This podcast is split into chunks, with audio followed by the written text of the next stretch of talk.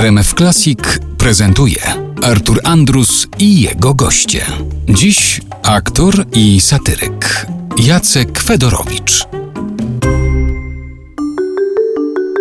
Chciałem pana zapytać też o to, jak pan znosi jubileusze. Fatalnie, chociaż tutaj od razu na usta nasuwa mi się komplement, który bardzo bym prosił, żeby nie był przyjęty jako moje podlizywactwo, ale jubileusz, który miałem w Krakowie przy okazji Paki, który prowadził Andrus Artur, wspominam z ogromną satysfakcją. No jest parę osób, które wspominają z wielką przyjemnością ten jubileusz, ale proszę mi powiedzieć, czy na przykład przy okazji tych ubiegłorocznych obchodów, 80-lecia, czy zdarzyło się, że padła jakaś kuriozalna propozycja albo jakaś zaskakująca? Czasem tak jest, że ktoś na przykład pomyśli sobie, o, 80 urodziny to zafundujmy na przykład takiemu jubilatowi skok ze spadochronem albo bungee albo coś takiego. Padały jakieś takie nie, propozycje? Nie, nie. Widocznie jestem osobnikiem banalnym i nie budzącym powszechnej ciekawości, bo nic takiego nie padło i dobrze.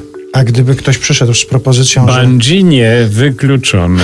A skok ze spadochronem? Też nie, mam lęk przestrzeni. A na przykład 80 strzałów armatnich? Które miałbym wykonać, czy... Nie, posłuchać. Czy, czy we mnie?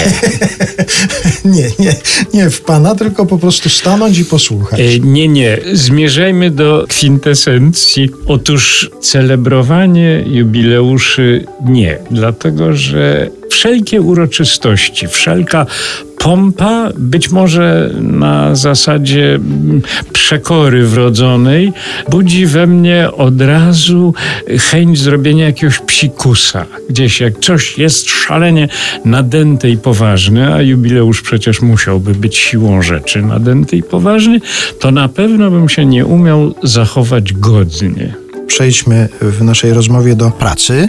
Dyplom, jeżeli chodzi o wykształcenie i uprawnienie zawodowe, ma pan właśnie na to, czyli jest pan dyplomowanym artystą malarzem.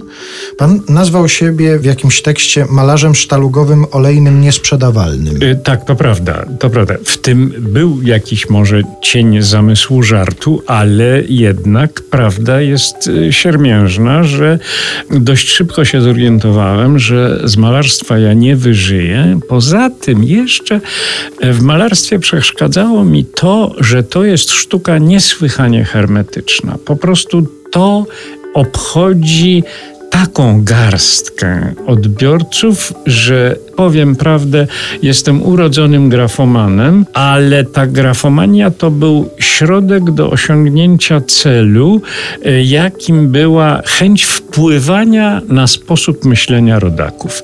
Ja żyłem jednak z niezgodą na socjalizm i brak niepodległości. To brzmi tak jubileuszowo, odświętnie, ale tak było. I od nastoletniości miałem taką przemożną chęć tłumaczenia rodakom, że socjalizm jest do niczego.